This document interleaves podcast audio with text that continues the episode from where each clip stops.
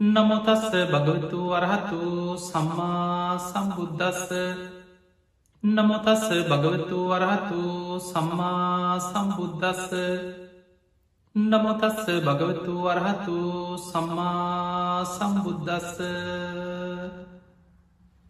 හැම දිනාටම තෙරුවන් සන්න ප්‍රාර්ථනා කරමින් අදත් ඔබ හැම දෙනෙකුටම ඔබේ ජීවිතයට ඉතාම වැදගත් ධර්ම කාරණා කීපයක් මේ ධර්මාම් ශාසනාව තුළ ඔබට කියල දෙන්නයි අද අපි මේ උත්සාහ කරන්න.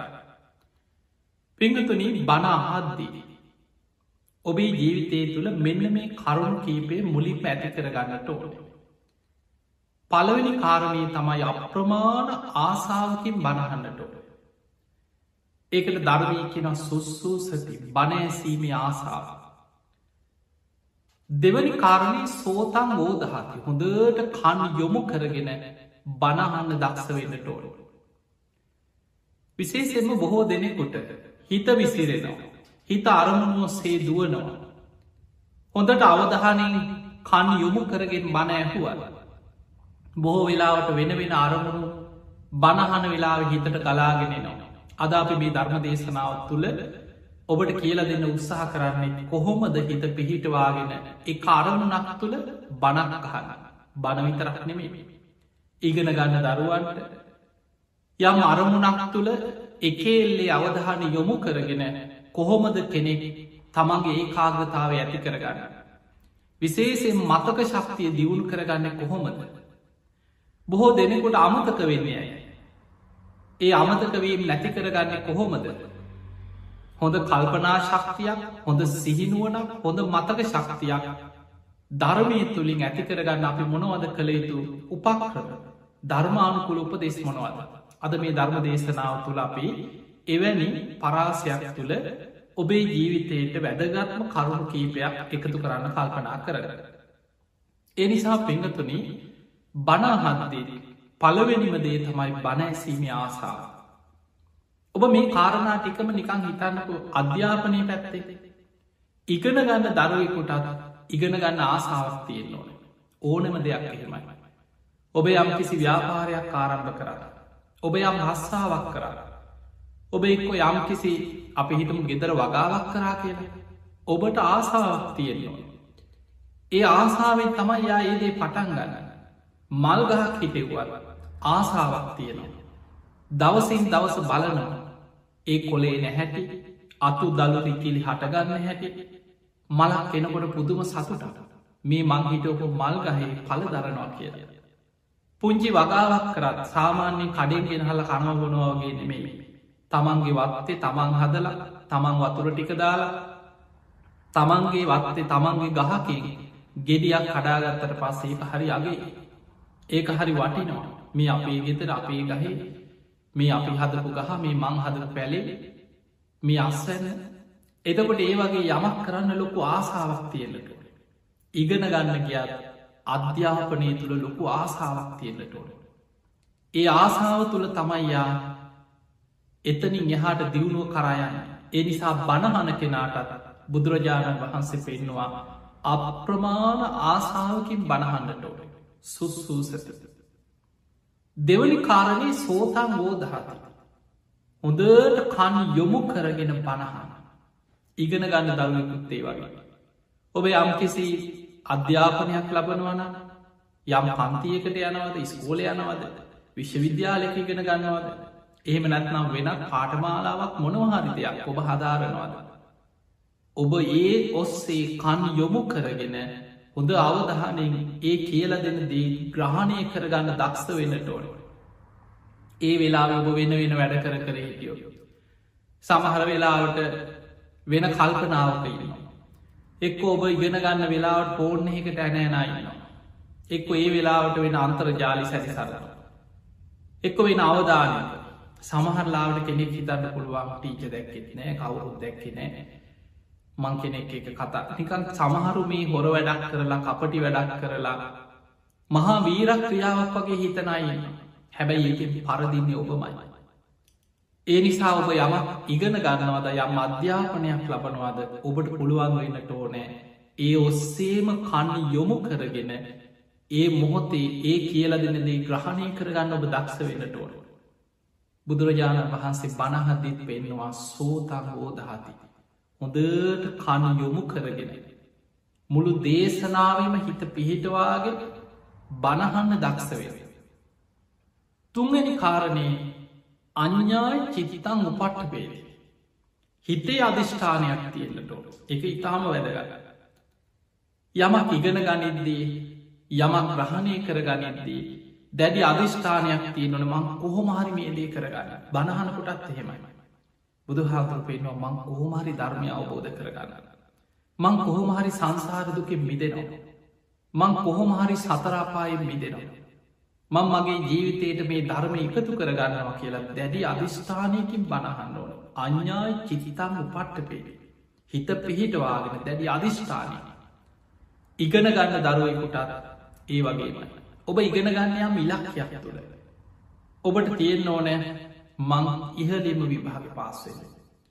සමහරුට පුංචි කාලෙන ඉලක්කයක් තින මං වෛද්‍යවරයෙක් වෙනවා. මං අනාගතයේ ගුරුවරයෙක් වෙනවා. මං අනාගතය විද්‍යාඥයෙක් වෙනවා. මං අනාගතයේ ඉංජිනේරුවෙක් වෙනවා. බොහෝ දෙනෙකුට සමහරුට පුංචි කාලෙන ඉලක්කයක් තින සමහරුට ටිකක් ඉගෙනගෙන ඉස්සරහට යනකට විභාග පාසෙන්කට ඉලක්කයක්. එතකොට ඒ ඉලක්කේ තුළ යන්න නම් අධිෂ්ඨානය. ඒ අධිෂ්ඨානයෙන් තමයි මං කොහොමහරි මේ දේ කරගන්න.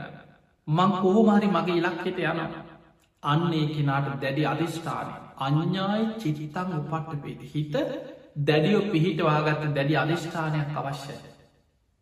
හැම දෙයක් මෙහෙමයි. මේ ලෝකෙ සාර්ථක වෙච්ච මිනිස්සු දිහා බලලා ඕනෙම කෙනෙක් විශාල කැපකිරීමක් කරල දැඩි අධිෂ්ඨාන විද්‍යාඥයකවා යමක් සොයාගන්න විද්‍යාඥය යම් කිසි දියුණුව කරාගිය ලෝකෙ ශේෂ්ඨ චරිත ඔක්කෝම අධ්‍යයනය කළ බල හැම ශේෂ්ඨයක් ආගමික පැත්තිෙන් විතරක්න මේ ඔබ හැම පැත්තකින්ම බලන්න විද්‍යාත්මක පැත්තෙන් ගත්තාද සමාජයේ සමහර වෙලාවට කෘෂිකර්මය පැත්තෙන් ගත්තාද අධ්‍යාපනය පැත්තෙන් ගත්තාද නව සොයා ගැනීම පැත්තෙන් ගත්තා හැම පැත්තකින්ම යම් අධිෂ්ඨානයක් තුළ කැපවීම.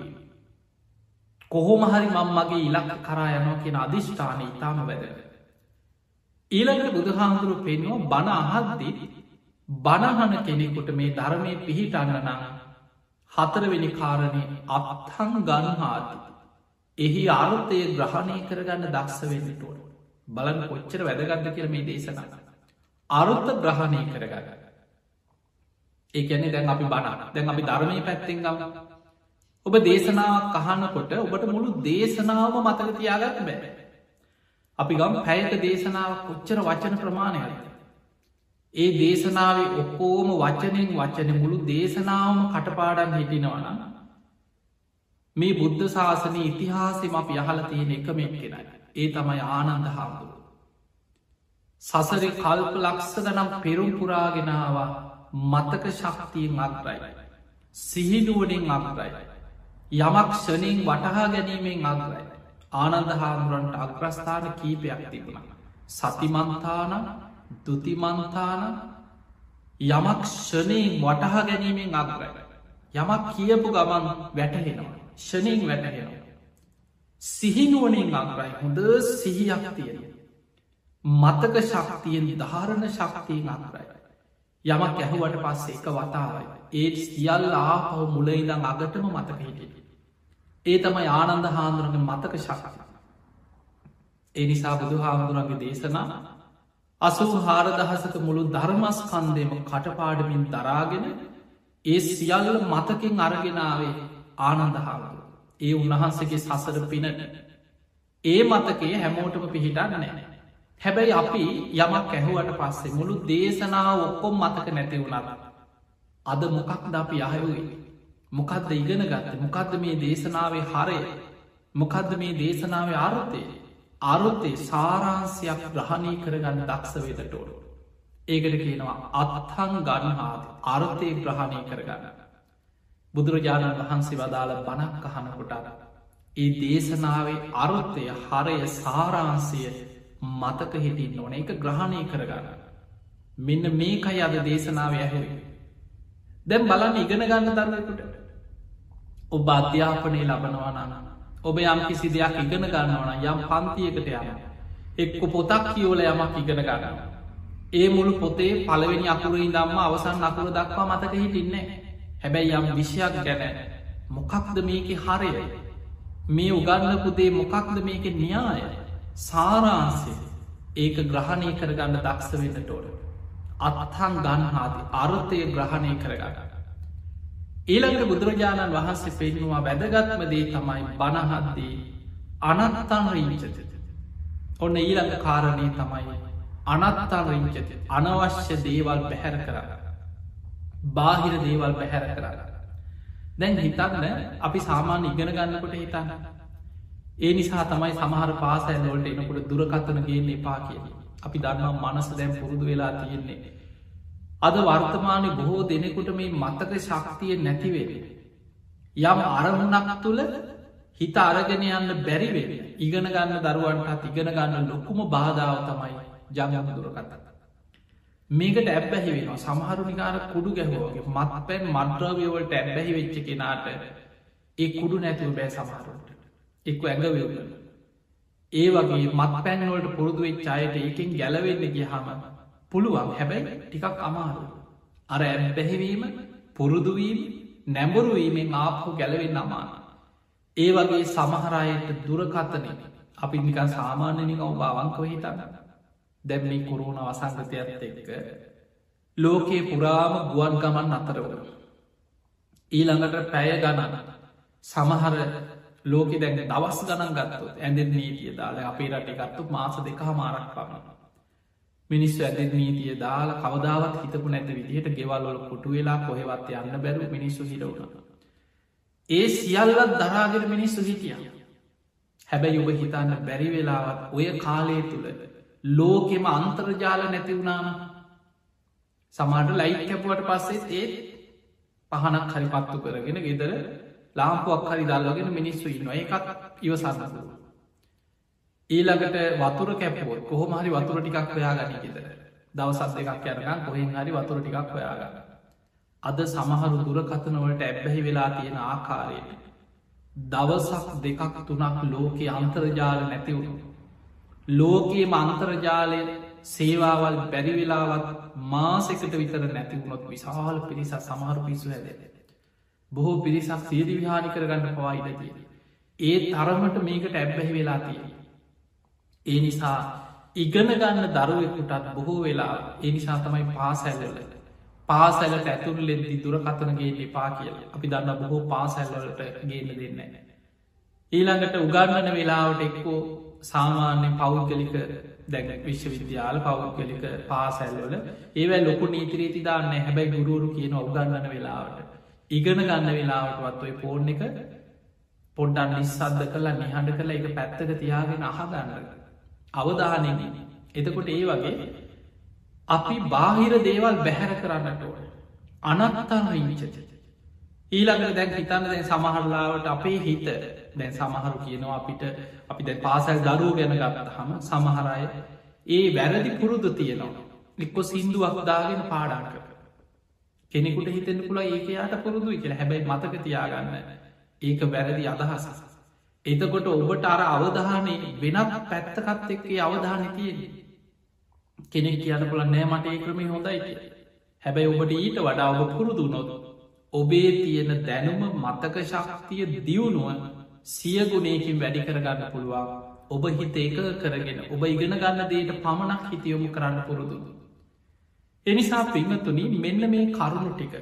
ඔබ ඉගෙන ගන්න දරුවෙක් නම් ඔබ යම් අධ්‍යාපනයක් ලබනවන එක්ක යම් විශ්යක් තුළ පර්යේෂණ කරන කෙනෙක් නම් යම් නිහඬව යම් අධ්‍යයනයක් කරන කෙනෙක් නම් ඔබට ඉතාම වැදගත්වෙන බණහන කෙනාටත් එහෙමයි. දැම් බලන්න මේ කාරණාටික.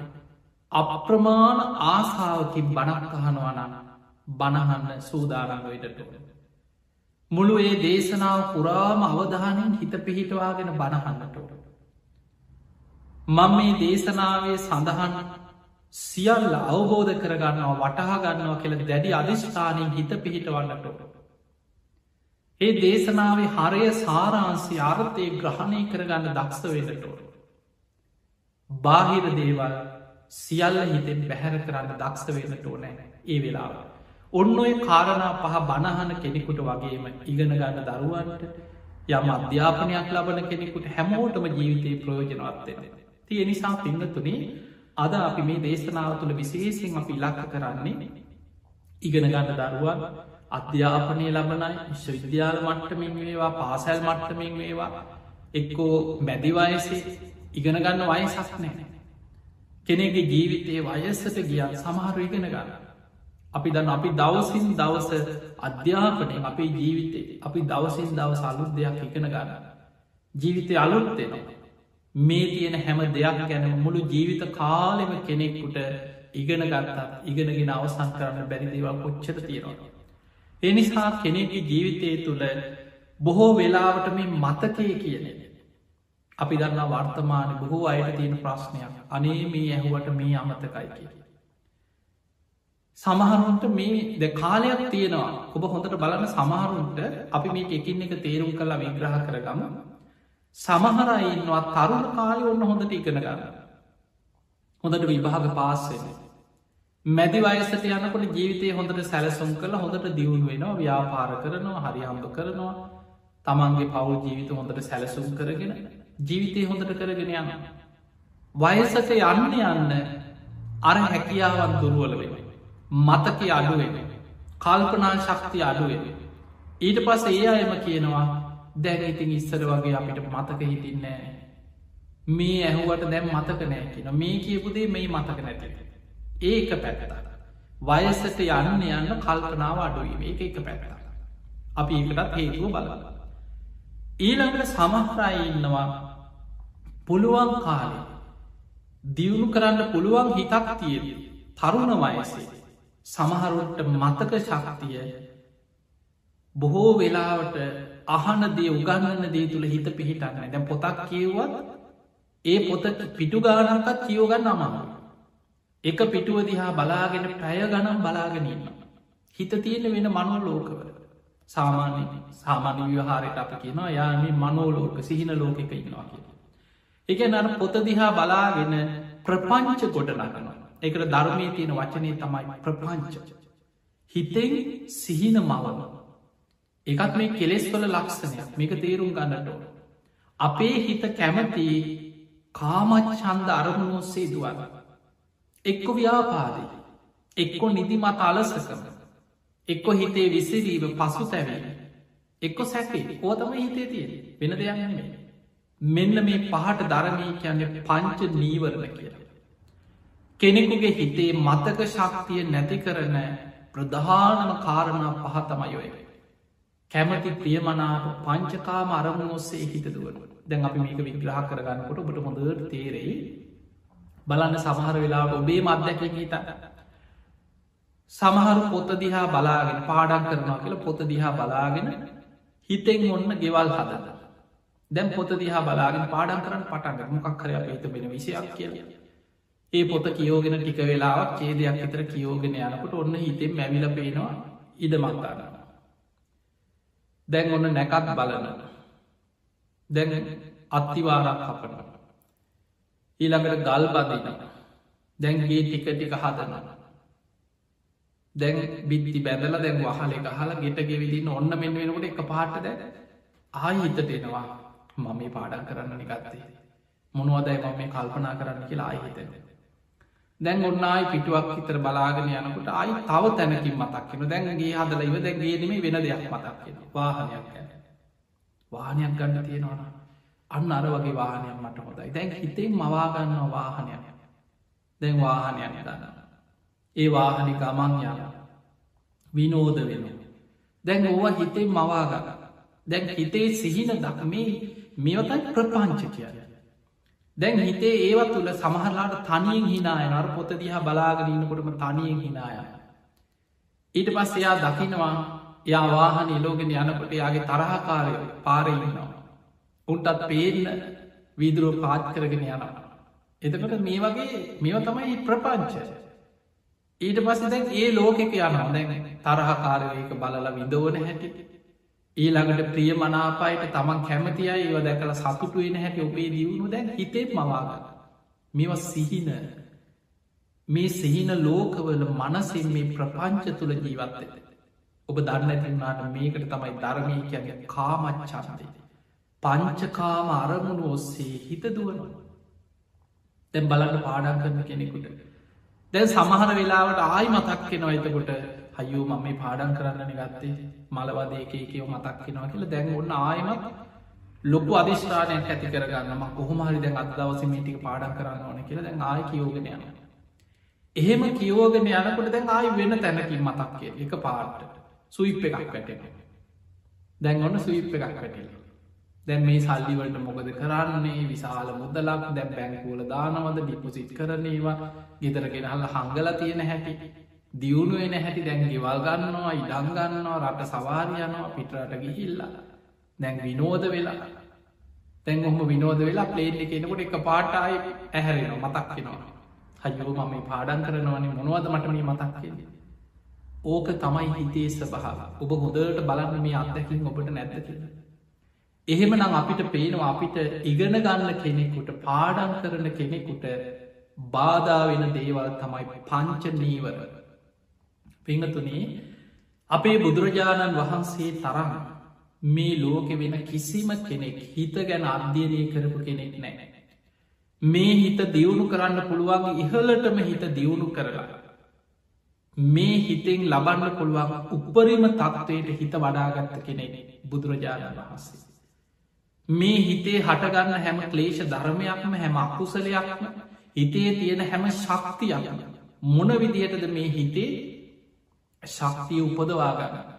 මේ මනස දියුණු කරලා ඉරුදි ප්‍රාතිහාර පාන මට්ටමට හිත වඩාගත බුදු කෙනෙකුට පමණක් කළ හැකි පෙළහර පාන යමාමහ පෙළහර පාන නොපෙනී යන අහසින් යන පොළුවේ කිමිදිලා මතු වෙන තව තැනකි ජලය මත ඇවිදිනවා. මේ ප්‍රාතිහාර පාන්න හිත දියුණු කරල වෙන මැජික්කය කෙන්නෙමේ දියුණු කරපු හිත කීකට කෙන ඉරදි පාද වඩනවා කියලා. හිතක් දියුණු කරලා එවැනි මහා ප්‍රාතිහාර පවා පාන්න පුළුවක්කම තියෙන එතකොට මේ හිතේ දියුණුවට බාධාවෙන කාරණා හතරක් බුදුරජාණන් පහක් අපිට පෙන්නල තියෙන කාමච්චන්දය දැන් ඔබ මේ එකින් එක හොඳට ධර්මානුකුල්ව තේරුම් ගන්න ඉස්සරල ඊට පස්ස අපි ප්‍රායෝනිකෝ ගලපල බලල කාමච්චන්දය කාමච්චන්දය කියන්නේ ප්‍රියමනාප කැමති ආස කරන අරමුණුවස්සේ හිත දුවනවා අපේ ඇහෙන් දකින්න කැමති ප්‍රියමනාප රූප තියෙන අපි ආස කරන දේවා ඒවා ඔස්සේ හිත දුවනවා කනට ඇහෙන සබද මිහිරි හඬවල් කටහඬ සංගී ආස කරන දේවල් ඒව ඔස්සේ හිත දුවන. නාසේට දැනෙන සුවඳ ආස කරනේ සුවඳ වරය ඒව ඔස්සේ හිත දුවනවා. දිවට දැනෙන රස කන්න කැමති කෑම බීම රසවල ඒව හිතෙන් මවාගෙන ඒව ඔස්සේ හිත දුවනවා. ඊළඟට කයට දැනෙන පහස විදින්න කැමති පහස හිතේ මවාගෙන හිත ඒව ඔස්සේ දුවන. මනසේ මේ පංචකාම අරමුණු අර රූප සබ්ද ගන්ධ රස පහස කියන පංචකාමයන් ඔස්සේ හිත දුවන ඒකට කෙන කාමච්චන්ද කාමච්චන්දය ඔස්සේ හිත දුවන ඊළඟට තවත් පංච නීවරණ අත්තර තිනව ව්‍යාපාද සමහර වෙලාවල්ලට කාමච්චන්දය බලව. සමහර වෙලාවලට ව්‍යාපාදය බලව. දැම් බලන්න පාඩන් කරන්න ගත්තහම ඉස්කෝලෙ හරි ගිල්ල ඔන්න ළමයි එක්ක ප්‍රශ්නයක් ඇතෙක්ක ගුරුවරු ගහලා දනගස්සල තිය එක්ක ඉදා ළමයි ගහගත්ත දවස එක්ක ගෙදර ප්‍රශ්නයක්. මොකක් හරි කෝලහලයක්. හිත කේන්ති කිය දවස එවැනි වෙලාවක දැන් පාඩන් කරන්න ගත්තා මතක් කෙන්නේ අර දවේශ සිතුවිලි ටික. මං පැරදුනා. මට මෙහෙම කියව මට විහිලු කරා මාව පරාජය කරා. දැන් අපිට සමහන්ලාවට යාට ප්‍රායෝගිකෝ ගිහිල්ල එකට යමක් කරන්න පුළුවන්කමක් නෑ හැබැයි හිතෙන් මවාගන්න තමන්ගේ තරහකාරයාට අනතුරක් වෙන හැකි දැන් හිතෙන් ඇවිල පේන මුට මෙහෙම වෙන්නට මෙහෙමවත් වෙනවන. එහෙම හිත හිතා හිතෙන් සිහින ලෝකයක්. එක ප්‍රපංච මනසෙන් ප්‍රපංච ගොඩ නග නග ඒ අරමුණෝසේ හිත දුවන. පාඩන් කරන්න ගත්ත වෙලේ නම් තරහකාරය මතක්කෙන තමන්ට වෙච්ච දේවල් දුක හිතෙන දේවල් ගැටිච්ච දේවල් අරමුණු ඒ ඔස්සේ හිතදුවන දැ බලන්න මේ වනවිති කියලා භාවනා කරන කෙනෙකුටත් බාධාව. ඉගෙන ගන්න කෙනෙකුටත් ඔය ටිකම තමයි. සුරූප වෙනස්. භාවනා කරන්න ගිය ඇස් දෙක පියාගත්ත ගමන් හිත දුවන්න ඔය අරමුණ ඔස්සේමයි. පාඩන් කරන කෙනෙකුටත් පොත දිහා බලපු ගමන් ඉගෙන ගන්න කෙනෙකුටත් ඒක ඉවතයි මතක් එක්කො ගිහිල්ල යම් කිසි දේශනයක් අහනවා ඉස්කෝලෙ ගුරුවරය අවගන්නනවා අර බෝඩ් එකේ මොනවා ලියලා ඉගැන්නුවත් හිත දුවන්නේ පංච නීවන්නෝ සේ පේන වෙන දේවල් හිත තියෙන වෙන කල්පනාව. ඒ නිසා අපට බාධා කරන මත්තක ශක්තිය නැති කරන්න ඕය. දැම් පලවෙනි අපි ඉගෙන ගත්ත කාමච්චාද කැමති ප්‍රියමනාප අරමුණොස්සේ අපේ හිත දුවනු. දෙවනි එක තමයි අපි අකමැති අප්‍රිය අමනාප තරහා දේශය කේන්ති ඇතිවෙන අරමුණ හිතන මතක්කය. තුන්වෙනි එක තීනමින්දේ නිදි මත. අලසකම කම්මැලි ගතිය ඈනුම්යාම බත් මත. මෙ ඔක්කොම තීනමින්ත ලක්සස තැන් සමහරයි ඉන්නවා මුළු දවසමකෝ හරි ඉගැන හිතේ ප්‍රියතාවයක් නෑ. ආසාාවෙන් යමක් ඉගෙන ගන්න කෙනා හරි ආසා ඉගෙන ගන්න. හැබැයි සමහරුට ඒ ඉගෙන ගන්න ප්‍රියතාවයක් නෑ.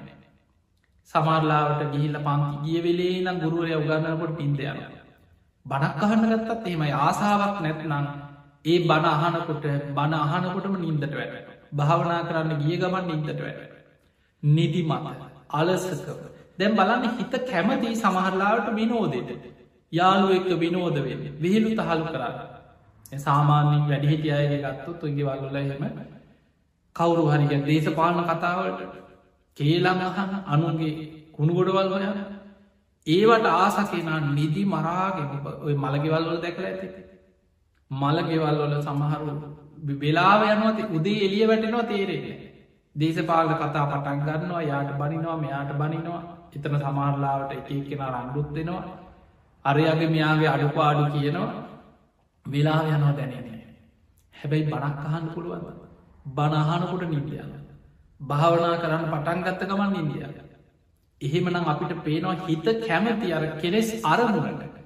ඒ හිත කැමති කෙලෙස් සහිත අරමුණ ඔස්සේ එල්ලි වෙනකං ඉන්න පුළුවන් නිදිමතක් නෑ කම්මලිකමකුත් නෑ හැබැයි භාවනා කරන්න බණක් අහන්න ඉගෙන ගන්න. ඒකට හිත කැමති නැති නිසා ඒ අකමැත්තේ බොහෝ දෙනෙක් ඉගෙන ගන්න යන අකමැත්තේ එක්කෝ දෙමව්පියෝ බනින නිසා. දම් බනිනව ඉගෙන ගන්න ඉගෙන ගන්න අනාගතයක් නැතිවේ විභාග පාසය එතකොටේ දෙමවපිය බනිනවා සැරදානවා. ඇපෙන් බේරෙන්න්න වගේ සමහරයාද අන්න ඒ වෙලාවට නිදි මත අලසකම කම්මැලි ගතිය ෑනුඥාන බත් මත අද බෑ කියලා හිතෙනවා හිට කරනවා කියනවා. ඇයි? තමන්ගේ තමන් තුළනය අර ආසා තමන් තුළනෑ ඒ උත්තේජනයක් මං කොහොමහරි මේ දේ කරගන්නවා කියලා ආසාාවෙන් යොමු එන්න කෙනා ලොකු ආසාාවෙන් ප්‍රබෝධමත් මනසකින් ඒක ඉගෙන ගන්න. ඊළඟ එක පිංහතුනේ බුදුරජාණන් වහන්සේ පෙන්නවා උද්දච්ච කුකුච්ච ඔන්න උද්දච්ච කියන්නේ හිත විසිරෙස කුකුච්ච කියන්නේ පසු තැවෙන. මේ දෙකම එක එක හා එකට බැදිලට හිතේ විසිරී මත් එක්කම පසු තැයින් ඇතිවේ දැන් බලන්න පාඩන් කරන්න යන කෙනෙකුට මේක භාවනාව පැත්තේ විස්තර කරාට හැමදේකට අදාගන්න එතකොට දැන් අපිට පේනවා කෙනෙක් පාඩන් කරනකොට ඉගෙන ගන්නකොට හැම වෙලාම හිත විසිස එක ඒක දේවල් මතක් කියෙන ඒ මතක් කෙනකොට සමහරු පසු සැවෙන අයෝ මට මේක කරගන්න බෑ. හරි වදයක් සමාගත මල්ල වදේ. එකඒකව මතක් කියනවා වැඩකට නැතිව මතක් කියනවා මට පාඩන් කරතින ඒ දේවල් හිතර ගලාගෙනනවා මේක මගේ කරුමයක් කියලා අන්න දැන් තමන් තමන්ට බටන තම කෙනෙකුට හිතනම කවුරු පුුණුවත් කරාල් දන්නේ නෑ හුනියම් කරලත් දන්නෑ එක්කෝ තරහකාරයෙක් මට මොනහරි කරාත් දන්නේ එතකොට ඒවටත් පැටෙන සැකේටත් යනද තමන් තමන් ගැන පසු තැවෙන මේක මගේ කරුමි කරුමි මටමකුත් කරගන්න බෑ මට මේ උගන ගන්න දෙයක්කත් උගන්නන්න දෙයක්කම් මතක හිටින්න එහෙම කිය කිය දැම් පසු තැවෙන හිත විසිරෙන්න්න විසිරෙන්න්න පසු තැවේ භාවනා කරන්න ගියත් ඔයි ටිකම තමයි ඇස් තියාගෙන භාවන අරමුණ මෙනෙහි කරනකට ඔන්න හිත දුවනවා පංචකාම අරමුණ ඔස්සේ. එක්කො තරාකාරය හිතට මතක් කියෙන. නිදිමත අලසකම කම්මැලි ගතියෙන. එක්කො හිත විසිරෙනකොට මට මේක කරගන්න බෑනේ හයෝ මගේ හිත එකඟ වෙන්න මට මේ ඒක ඒව මතක් කෙනවා කියලා තමන් තමන් ගැන පසු සැව. ඊළඟ පස්සෙන එක බුදු හාමුදුරුව පෙන්නවා තීනමින්ද මේ විචිකිච්චා විචිකිච්චාවගෙන සැකේ ඒ සැක ඇතිවෙන තුළුරුවන් ගැන සැකයි භාවනා කරන කෙනෙකුට බුදු හාමුදුරුව ගැන සැක ඇති වෙනවා. ධර්මය ගැන සංඝයා ගැන අතීතය ගැන අනාගතය ගැන. බුද්ධාදී අටතැන් ගැන සැකයි. කියෙන දැන් තමන්ගේ හිත විසිරෙනකොට තමන්ට කරගන්න බැරි වෙනකොට ඒක තමන්ගේ දුර්වලතාවයක් හැටියටත් දකිනවා ඒක ධර්මයට කල සමාලාට ඉතන මේ ධර්මී වැරදිද දන්න මොකක් හරි වෙලා දන්න අටේ නැති සැක සංකාවපද ඉගෙන ගන්න දරුවෙකුටත් සාමාන්‍ය ලෝක නොයෙක් සැක සංකා ඇති. තමන්ට මේ දේ කරගන්න බැරි වෙනකොට. දැ පාඩන් කරට පටන්ගත්ත වෙලේ දන් නිදිකිරා වැටෙනවා. ඉගෙන ගන්න දේට හිත යන්නම නැත්නම් හිත විසිරෙනවා කොච්චර ඇහුවත් උගන්නන දේ මතක නැත්තා. සමහරලාවට එයා වෙන වෙන මිත්‍යා දෘෂ්ටික පැත්තට යනම කේන්දරීවත් බලවන්න ඕන. අපල කාලයක්.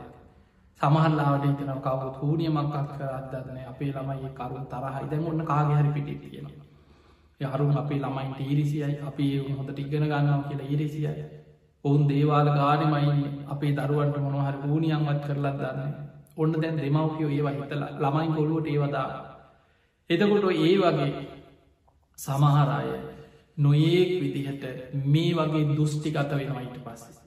දැම් බලන්න මොකක්ද හේතු අවසානිකත්ව පංච නිදවල කාමච්චන්දේ ව්‍යාපාද තීනමිද්ද උද්දච්චිකු පූච විචිකිච්චා ඔය පහ තමයි තියෙන ඔය පහ තමයි භාවනා කරන කෙනෙකුට භාවනාවට බාධාවෙන කරුණු පහ. ඉගෙන ගන්න ගිය ඉගෙන ගන්න කෙනෙකුට බාධවෙන්නේ ඔය කරුණු පහමයි. පාඩන් කරන කෙනෙකුට අවධානිතියාගෙන පාඩන් කරගන්න බාධ වෙන්නෙත් ඔය පහමයි. වෙනත් මොනොහරි දෙයක් කරන්න කියලා. ඒ දේ ගැන අවධානය පිහිටවාගෙන ඒ දේ කරගන්න බැරි ඔය පහ නිසාමයි. එහෙමනම් දැංගකට තේරෙනවා ඉතාම සරලව තේරෙනවා යම් කිසි කෙනෙක් භාවනාව දියුණු කරගත්තද ඔය පංච ජීවරණ යටපත් කරගන්න පුළුවන්. හිත කාමච්චන්දය ඔස්සේ දුවන ගතේ නැති කරගන්න පුළුවන්. හිතට තරහකාරයෝ මතක් කෙන එක නැති කරගන්න පුළුවන්. නිදිමත අලසතම හිතට එන එක නැති කරගන්න පුළුවන්. හිත විසිරෙන එකයි පසුත වෙන ගතියයි නැති කරගන්න පුළුවන්. සැක සංකා ඇතිවෙන එක හිතේ නැති කරගන්න පුළුවන්න්න අපිට යමක් ගැන අවධානය තියාගෙන ඉන්න පුළුවන්න්න ඒනම් අපේ මතක රැඳෙනවා. අපිට හොඳට සීය පිහිටනවා භාවනාවෙන් කරන්නේ භාවනාවෙන් කරන්න යම් කුසල අරමුණක් තුළ හිත පුරුදු කරන එයා භාවනා කරනවා කියලා කියන්නේ පංච නීවරණවලට හිත යන්න ඉඩ නොදී යම් කුසල අරමුණක් තුළ හිත පුරුදු කරන. ආනාපාන සතිය වෙන්න පුළුවන් මෛත්‍රී භාවනාව වෙන්න පුළුවන් යම් කුසල අරමුණක් තුළ හිත පුරුදු කනේ පුරුදු කරත්ති තරවතමයි බාධ. ආනා හුස්ම රැල්ල දිහා හිත බලාගෙන භාවනා කරගෙන යනට ඔන්න අයර වගේ හිත දුවන. තරාකාරය මතක් කෙනවා ආසසන දේවල් මතක් වෙනවා සමරුට භාවනා කරගෙන ඉන්නකොට තනිය හිනා යන ගෙවල් දොරවල් මතක් වෙනවා සිහින මතක් කෙනවා ප්‍රපංච ගොඩ නැගෙන. එතකොට භාවනාවෙන් සිහියෙන් ඉන්න කෙන අඳුන ගන්නවා මන් දැන් භාවනා කරන්න මං මේවට හිතයන්න දෙන්නෑ කියලා ආයමත් කියන භාවනාරුමට හිත. ඔහොම කාලයක් පුරුදු කරගෙන පුරුදු කරගෙන යනකොට හිත දුවන ගති අඩු වෙනවා පංචනිවරන ඔස්සේ. හිත භාවන අරමුණේ එකඟ වෙනවා දියුණු වෙන වැඩෙන. එහෙම හිත භාවනාවක පුරුදු කරගත්ත කෙනාට ඉගෙන ගන්න දරුවෙකුට නං ඉතාමත් පහසු අධ්‍යාපනය ඉදිරියට යන. මතකතියාගන්න මේ බුද්ධ ශාසනී තුළ අසූ හාරදහසක ධර්මස්කන්දය රහතන් වහන්සේලා කටපාඩමින් දරාගෙන ඉදිරියට අරගෙනා මේවා පොත්තොල ලියාගෙන පොත් කරේතියාගෙනාවන් නෙමේ අසූ හාරදහසක ධර්මස්කද මිහිදු මහරහතන් වහන්සේයාය පොත් ගොඩක් උසගෙන නෙමේ ලංකාවට බුදුහාමුදුරන්ගේ ක්‍රමේ තමයි සුතා හොදට කංයොමු කරගෙන අහන්න. දතා ඇසූ දේවල් ධාරණය කරගන්න. වචසා පරිචිත අයවන් නිතර වචනය පුරුදු කරන්න. මනසානු පෙකිත. නිතර නුවනින් විමසමින් මනසේ ධාරණය කරගත්තදේ විමස විමස බලන්න. එතකොට ධාරණ ශක්තියක් වැඩි. මතකෙත් පිහිටනවා දිත්‍යයා සුප්පටි විදායක තමන්ගේ අවබෝධයක් බවටත් පත්තයට. ඒක තමයි බුදුහාමුරන්ගේ ක්‍රමය එදා අසූහාර දහසක ධර්මස්කන්දය භික්‍ෂූන් වහන්සේලා පරපුරෙන් පරපුරට ධර්ම සංගායනා කරමින් සජ්්‍යහයනා කර කර කටපාඩමින් තමයි මේ ධර්මය ඉස්සරහට අරගෙන ගිය. ඒ නිසා ඒ ධාරණ ශක්ති ඇති වුණේ භාවනාවත් එත. බලන්න ඒ තරම් විශාල ධර්මස්කන්දයක් කටපාඩමින් දරාගෙන ආව කියන්නේ පරම්පරා ගණනාවක් ඉස්සරහට හිතාගන්නත් බයාද. මොක දාද සමහරලාට පොත නැතිවුණු තොක්කොම ඉවරයි. සමහරුගේ ඔක්කොම තියෙන එක්ක පෝර්ණ එක. ඒක නැතිවුණු තොක්කොම ඉවරයි. ඒ නිසා මතක තියාගන්න මේ හිත අපිට ධාරණය කරගෙන මතක ශක්තිය හිතේ රඳව ගන්න පුළුවන්. ඒ මතකයට බාධාවෙන්නේ පංචනීවර බොහොම ලස්සන දේශනාවත් තියෙනවා අනීවරණ සූරුට පංච නීවරණ ගැන වදාළ දේශනාව. මේ දේශනාව බුදුරජාණන් වහන්සේ විස්තර කරන මහනෙන පංච නීවරණ කියන්නේ තනිකරම අකුසල් ගොඩක් අකුසල රාසියක් කියන. එහෙම නම් හිත කැමති ප්‍රියමනා පරමණ ඔස්සේ කාමත් චන්දය ඔස්සේ දුවනොන. තරහ ව්‍යාපා දරන්න ඔස්සේ දුවනොන. නිදිමත අලසකම ඔස්සේ දුවනොන. හිත විසිරෙනවා පසු සැවෙන සැකය ඔස්සේ දුවනවා නම් එතන අකුසල් ගොඩක් ඔස්සේ හිත දුවරව. පංච නීවරණ කියන්නේ තනිකරම අකුසල් ගොඩක් අකුසල රාසියක් කිය. අචක්කු කරලා ඒ පංච නීවරණ නිසා දහම් මැස නැති වෙලා යනවයා. දහම් මැස දම්ම චක්කෝ නැති කරල දාන අචක්කු කරලා. අඥ්ඥාන කරලා යා මෝඩෙක් බවට පත් කරන යාගේ නුවනැස නැති කරලදාන්න. පඤ්ඥායි දුබ්බලී කරලා එයාගේ ප්‍රඥාව දුබල භාවයට පත්වෙලා යනවා කිය. එයාගේ මතක ශක්තිය දුර්වල වෙලා යනවා කිය. දහම් මැස නැති වෙන. අවබෝධ හීන කරලදා. එතකොට මේ ඔක්කොම වෙන්නේ පංච නීවරණ නිසා.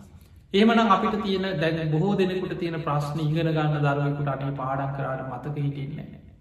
බණ ඇහුවට මේ ඇහුවට මේ මතක නෑ. දැන් ඉස්සර වගේ නෙමේ අමතක වෙන. මතක තියාගන්න බෑ. ඔන්න එහෙමනම් හේතු වෙන මොකුත් නෙමේ. හිත අරමුණ ඔස්සේ දුවනොන. දැන් අපි දුවනවා කියලා දැනගත්තට මේක දුවනවා දුවනවා දුවනවා කියලා නවත්තන්න බෑ. ඒක නවත්තන්න නම් ප්‍රායෝගිකව අපි භාවනාව තුළ හිතක් පුරුදු කරලා තියෙනවා. ඒ දුවන හිත දමනය කරගන්න තමයි භාවනා කරන්න. සමත භාවනාවල් වල යෙදේ. විශේෂයෙන් මෛත්‍රී භාවනා.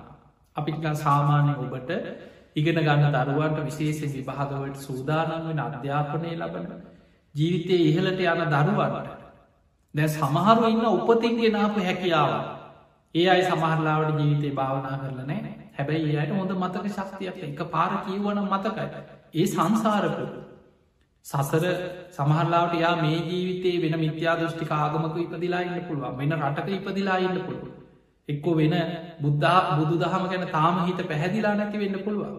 හැබැයි යා නොදන්න වුනාට පෙර සසරේ භාවනා කරලා හිත වඩලා හිත දියුණු කරපු සංසාර පින් තියෙනයි ඒ වගේ දරුවෝ බලාගෙනන එක පාරහපු ගම ඒදේ මතකයි.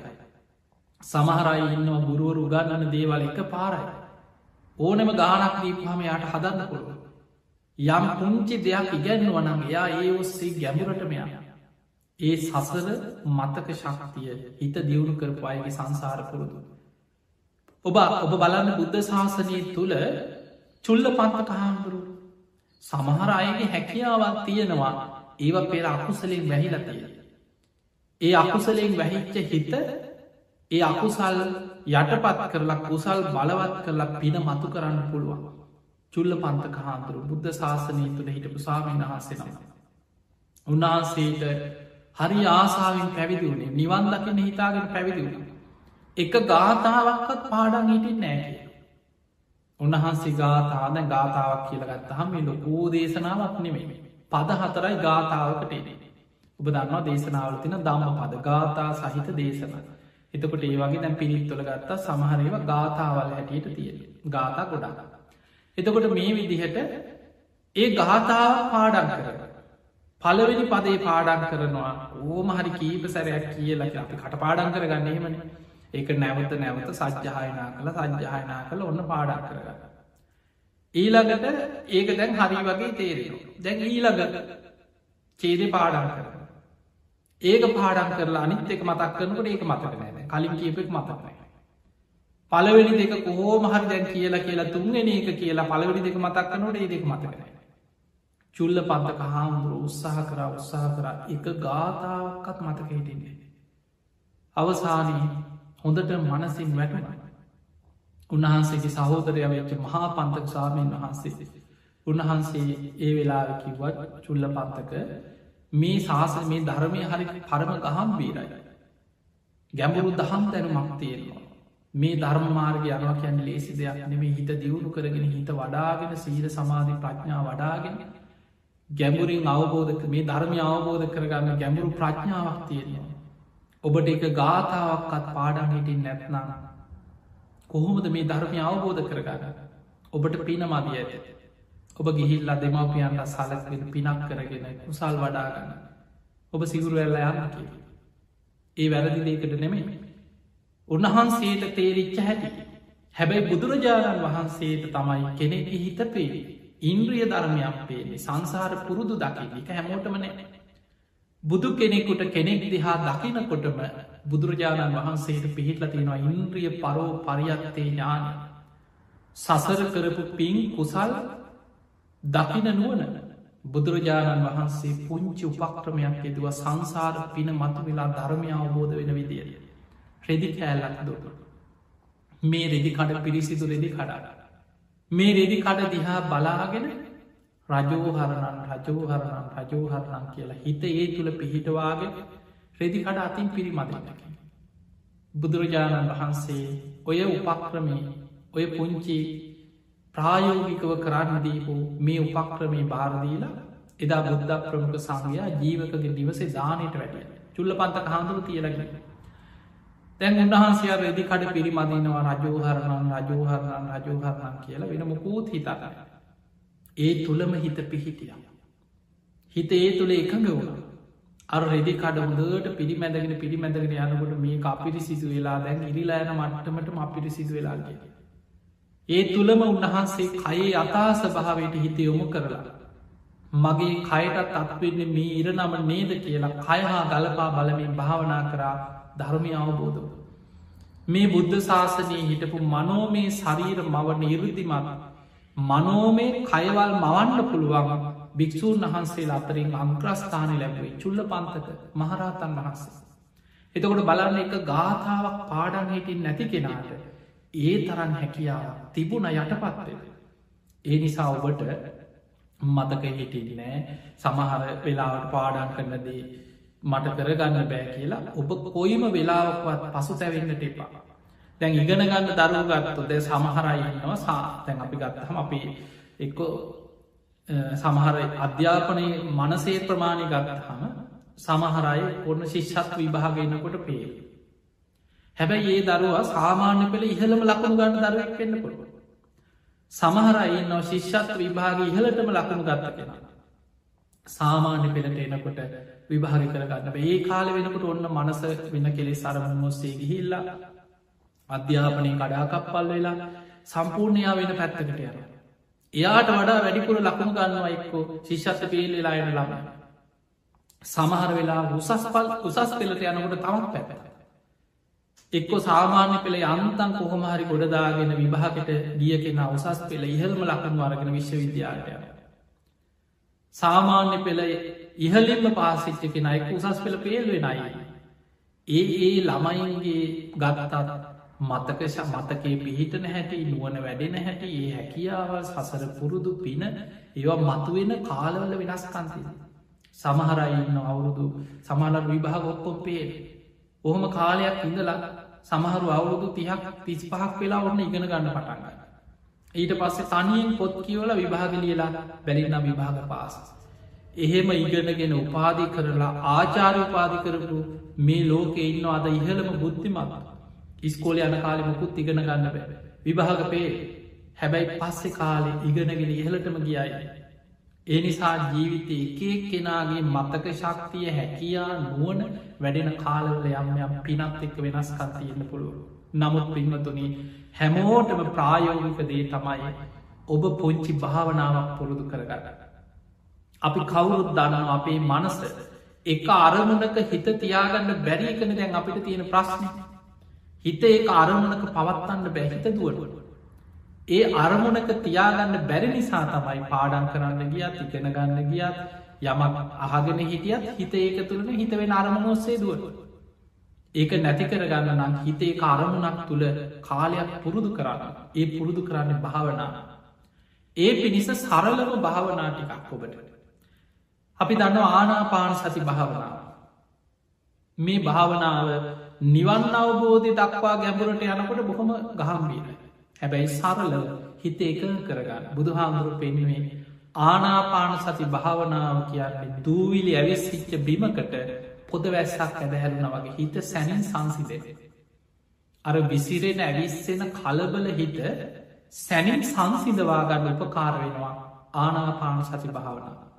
ඒ නිසා පුංචි දරුව ඉගෙන ගන්න අය තරුණ වයසේ මැදිවයසය අය ඔබ දවසකට විනාඩි පහලවක් විතර හරි උදේ පාන්දර හා දවල්වරුවක හවස ටික ටික පුරුදු වෙන්න එක්ක පාඩන් කරන්න කලින් පාඩන් කරලා ඉවරුණාට පස්සේ හරි හොඳට වාඩි වෙලා හුස්ම රැල්ලට හිතියොමු කරගෙන තමන්ගේ කයහා හුස්ම පවතින ආකාරය හොඳට තේරුම් අරගෙන බාහිර කිසිම දේකට හිතයන්න ඉට නොදී ආශ්වාසයක් ප්‍රශ්වාසයක් ආශ්වාසයක් ප්‍රශ්වාසයක් කියලා හුස්ම දිහා බලාගෙන හිත පුරුදු කරන්න.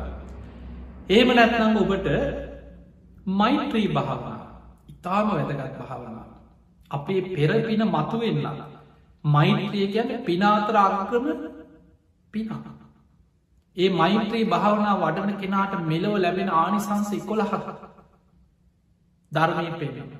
ඒක දහයක් දිට්ට දමවේතන එකක් පරලවට. එතකොට ඒ තුළ හොඳ මතකයක් පැඩෙන. තුවටන් චිතන් සමාධී මෛත්‍රී වඩනකොට ඉක්මනින් හිතක් එකඟ වේ. සාන්ත සැප නින්දකට වැටෙන සුකන් සූපති. මනසට විවේකයක් අවශ්‍යයි. සැප නින්දක් අවශ්‍යයි සුකම් පටිපුන්ද ප්‍රබෝධමත්ව අවදිවෙන. නිදාගන්න ගිහිල්ලත් දැන් බොහෝ දෙනෙකුට නිදාගන්න ගියා අර පාඩන් කරනකොට තිබ ලක්ෂණීම හිතට නොයේ දේවල් ගලාගෙනන වදවේ ඇඳේ හාට පෙල්ලෙනවා මෙහාට පෙල්ලො නින්දයන්න. හිතට හරි මානසික වඩය නොයෙක් අරමුණු ප්‍රපංච ඔස්සේම හිත දුවන. අන්නේ ස්වභාවෙන් නැති වෙලා සාන්ත නින්දකට වැටෙන. සැපවත් නින්ද. භයානක හීන පේන න පාපකන් සුපිනම් පස පෞකාර හීන දකින්නේ. එයාගේ හිත හොඳට පිහිටන එයාට වෙන බාහිර අරමුණු කරදර උපන්ට ඒවත් මක හැරෙන මෛත්‍රී පිනේ. ඒ නිසා ඉගෙන ගන්න දරුවෙක් මෛත්‍රී භාවනාව විනාඩි දහයක් පහලවක් හරි නිතර පුරුදු කරනවන ඔබට හොද මතක ශක්තියක් ඇති කරගන්න පුරු. දැන් ඔබ හිතන්න මෙහෙම අපි යමක් මතකෙට ගාගන්නේ සිහි කරලා අපි සිහි කර කර තමයි මතකෙට ගන්න ඔබ විභාගයක් ලියන්න ගියත් ඕනම දෙයක් සිහි කරලන මතකෙට ගන්න ධර්මී තමයි සිහිය දියුණු කරන හැටිය ඔබ අහලා තියෙන සත්තර සති පට්ටාන සති කියන්නේ සිහිදී ඒ සිය දියුණු කරන ක්‍රම හතර කායානු පස්සන වේදනානු පස්සන චිත්තානු පස්සනා දම්මානු පස්සනා කියන සිහිය පිහිටවලා සිහිය දියුණු කරන ක්‍රම හතර. ඒ ක්‍රම හතරේ සිහිය පිහිටනවා කියන්නේ සිහිය දියුණු වෙන සිහිය වැඩෙන සිහිය දියුණු කරන ක්‍රම ටික. එහෙම භාවනා කරනකොට සීය දියුණු එන්න දියුණු වෙන්න මතක ශක්තිය වැඩෙන. ඔබ දන්නවා ධර්මය උගන්නනවා සිහිය දියුණු වෙනකොට එක ඉන්ද්‍රිය ධර්මයක් ඒකට ධර්මය කැනෙ සති ඉන්ද්‍රිය ඒක බලයක් තමා තුළ. එකටගෙන සති බලලා සති සම්බෝජ්ජන් ඒක නිවන් අවබෝධ අංගයක් හැටියට සිහිය දියුණුවෙන සම්මා සති ආර්යෂ්කායක මාර්ග අංගයක් හැටියට ඒ සිහිය වැඩ එතකොට කෙනෙක්ගේ සිහිය ඉන්ද්‍රිය ධර්මයක් හැටියට බලවත් වෙලානගේයා සිහි බුලාවෙන්නේ බුදුරජාණන් වහන්සේ මෛත්‍රී ආනි සංසාතරත් පෙන්වා භාවනා වඩපු කෙනා මෛත්‍රිය වඩපු කෙනා මරණ මංචකීවත් සිහිමුලා වෙන්න ඇකිට. අන්න දැන් ඔබට තවත් තැනකට අපි කතා කරපු තවත් දෙයක් තමයි සමහරු ඉන්නවා තරුණ වයසි හොඳට ඉන්න. මැදි වයස හොඳට ජීවිතය ඉන්න වයසට යන්න යන්න සිහි අඩුව. ඒ සිහි අඩුවෙන්න හේතුව තමයි සිහිය දියුණු නොකිරීම. මතකතියාගන්න ඔබ මොන්න තරම් විභාග පාස් කරලා. ඔබ මොනතරන් සමාජ ඉහලට හිටියද කොච්චර ව්‍යාපාර දියුණු කරපු මොන්න තරන් ඉහලට බුද්ධිමතෙක් වුණන්න ඔබ භාවනාවෙන් හිත දියුණු කරලා නැත්නන්න ඔබේ සිහිය දුරුවල වෙන ඕනම මොහොතක එන්න පුළුව සමහර මහාචාරවලු ඔබ හොඳට හොයලා බලන්න වයසත යන්න යන්න කල්පනාව නැති වෙලා. සමහර අයගේ ඇදුන්න එක්ක නොඒක් නරක වචනක ළඟයි ඔක්කොටෝම් බනින අසෝචික läගේ ගාගන්න. හැබැයි මහාචාරය මට්ටමට හිත වඩා ගත්තයි. ආචාර මහාචාර බුද්ධිමත්ත විද්‍යාඥ අන්තිම කාලෙසි කල්පනාව නැතුව නොඒ රෝග තත්ත හැදිලා ඔළුවෙන් ගහන්න බිත්තිවලට ඔය වගේ දුක්විදල මී අනයි එහෙමනම් අපිට පේනවා මේ සිහිය දියුණු නොකිරීමේ ප්‍රතිඵලය එක්කො මැදිවයස එක්ක වයසට ගිහිල්ල අන්තිම කාලෙ හරි සිහිමුලාවීමේ අවධානමක් තියෙන. කෙනෙක්ගේ සිහිය මුලා නොවෙල්ලා. සිහිය දියුණුවෙන්ලා මතක ශක්තිය දියුණුවෙන්ලා. යමක් ඇහුවද අහපු සැනින් මතක ධාරණය කරගන්නලා භාවනාමයි තියෙන එකම පිහිට පිළිසරන්න. තිය නිසා මේ දේශනාව පුරාම අපි ඔබට කියලකරන්නේ භාවනාවේ තියෙන වැදගත්කම. ඔබ භාවනාවකට හිත පුරුදු කරගන්න. සරල භාවනාවක් පුංචි කාලීදම් ඔබේ දරුවන්ට ඉගෙන ගන්නයට අධ්‍යාපනය ලබනයට පුරුදු කරන්න. ඊළඟට ඔබ ඉදිනිදා ජීවිතය පවා කොච්චර ප්‍රශ්නත් එක්කද මිනිස්සු ජීවත්තය හම්බ කරනවා කියන්නේ පවුල්ලොල ප්‍රශ්නමය ඔක්කොම යුද්ධයක් ඒ අතර හිත සන් සුව පත් කරගන්න. මේ හිතේ තියෙන මානසික අවුල් පීඩා සංසිදව ගන්න. ටික වෙලාක් හරි භාවනාවකට හිත පුරුදු කරගන්න නිදාගන්න කලින් හරි විනාඩි පහලවක් විසක් හරි මෛත්‍රී භාවනාවකට හිතක් පුරුදු කරගන්න. ඔබටම තේරේ කාලයක් යනකොට දැන් වෙනදට වඩා මට හොඳට මතකයේ පිහිටන දැම්මට බණක් එහවට පස හොඳට මතකයි. දැම්මට පොතක් කියවට පස්ස වෙනදට වඩා හොඳට මතකයි මට හොඳ මතක ශක්තියක් පින්වතුනි අදට බුරුමේ වගේ රටවල්වල වනපොත් කරනවා කියලා පැවිදිවෙන සාමනීර ස්වාමීන් වහන්සේලාට මේ ත්‍රිපිටක ධර්මය කටපාඩක් කරන. රාත්‍රී කාලි එක්කෝ පන්දම් පත්තු කරලා සාමාන්‍ය පොත්නය ලයිට් නිවල කටපාඩක් සජ්්‍යහයනා කරන. හැමදාම දවසකට පැයි කීපයක් රාත්‍රී ත්‍රිපිටකේ සජ්්‍යහයනා කර. අදටත් ඉන්න බුරුමි වගේ රටවල්වල ත්‍රිපිටකේ කොටස් පිටින්ම කටපාඩමින් දරාගත්ත සාමීන් වහන්සේ අපේ රට තිදල තියෙන අයිස්සර. දීග භානක භික්‍ෂූන් වහන්සේලා මුළු දීගනි කායම කටපාඩන් කරගත ස්වාමීන් වහන්සේ. සංයුක්ත භානක සංයුක්ත නිකායම කටපාඩන් කරගත ස්වාමීන් වහන්සේ. මජ්ජිම භානක කියන මජ්ජිම නිකායම කටපාඩන් කරගත්ත. ඒ නිසා හොඳට භාවනා කළ හිත දියුණු කරගත්ත කෙනෙකුට මතක ශක්තිය ධාරණ ශක්තිය ඇති කරගන්න පුළුවන්. තේ නිසා ඔබ හැම දෙනාගම ජීවිතවලට මතකේ දියුණු කරගන්න සිහිය දියුණු කරගන්න සහි මුලා නොවෙන්නයි භාවනාව පුරුදු කරගන්න. ඒ පිණිසෝ ඔබ හැම දෙනාට මේ ධර්මාණු ශාසනාව ආශිර්වාදයක්ම වේවා වේවා වේවා කියලප ආශිර්වාද කරනවා ධර්මශ්‍රවනයට ඇස්කරගත් සියල් පින් සියලු දෙවියෝ සාධ කාරදිදි අනමෝදන් විත්වා ඒ සියලු දෙවියන්ගේ පිහිට රැකවන ආශිර්වාදය ඔබ හැම දෙනාටම ලැබේවා ලැබේවා ලැබේවා කියලපි ආශිර්වාද කරන. ආකා සට්හාච බුම්මට්හා දේවානාගා මහිද්දිකා පුඥ්ඥන්තන් අනුමෝදිත්වා චිරන්රක් කන්තු ලෝක ශාසනං ආකා සට්හාච බුම්මට්හා දේවානාගා මහිද්දිකා පුඥ්ඥන්තන් අනුමෝදිත්වා චිරන්රක් කන්තු දේශනං ආකා සට්හාච බුම්මට්හා දේවානාගා මහිද්දිකා පුඥ්ඥන්තන් අනුමෝදිත්වා චිරන්රක් කන්තුතුවං සදා හැම දෙනාම නිදුක්වේවා නිරෝගිවේවා සුවපත්තේවා සුවපත්තේවා සුවපත්තේවා හැම දෙනාටම තෙරුවන් සරණයි.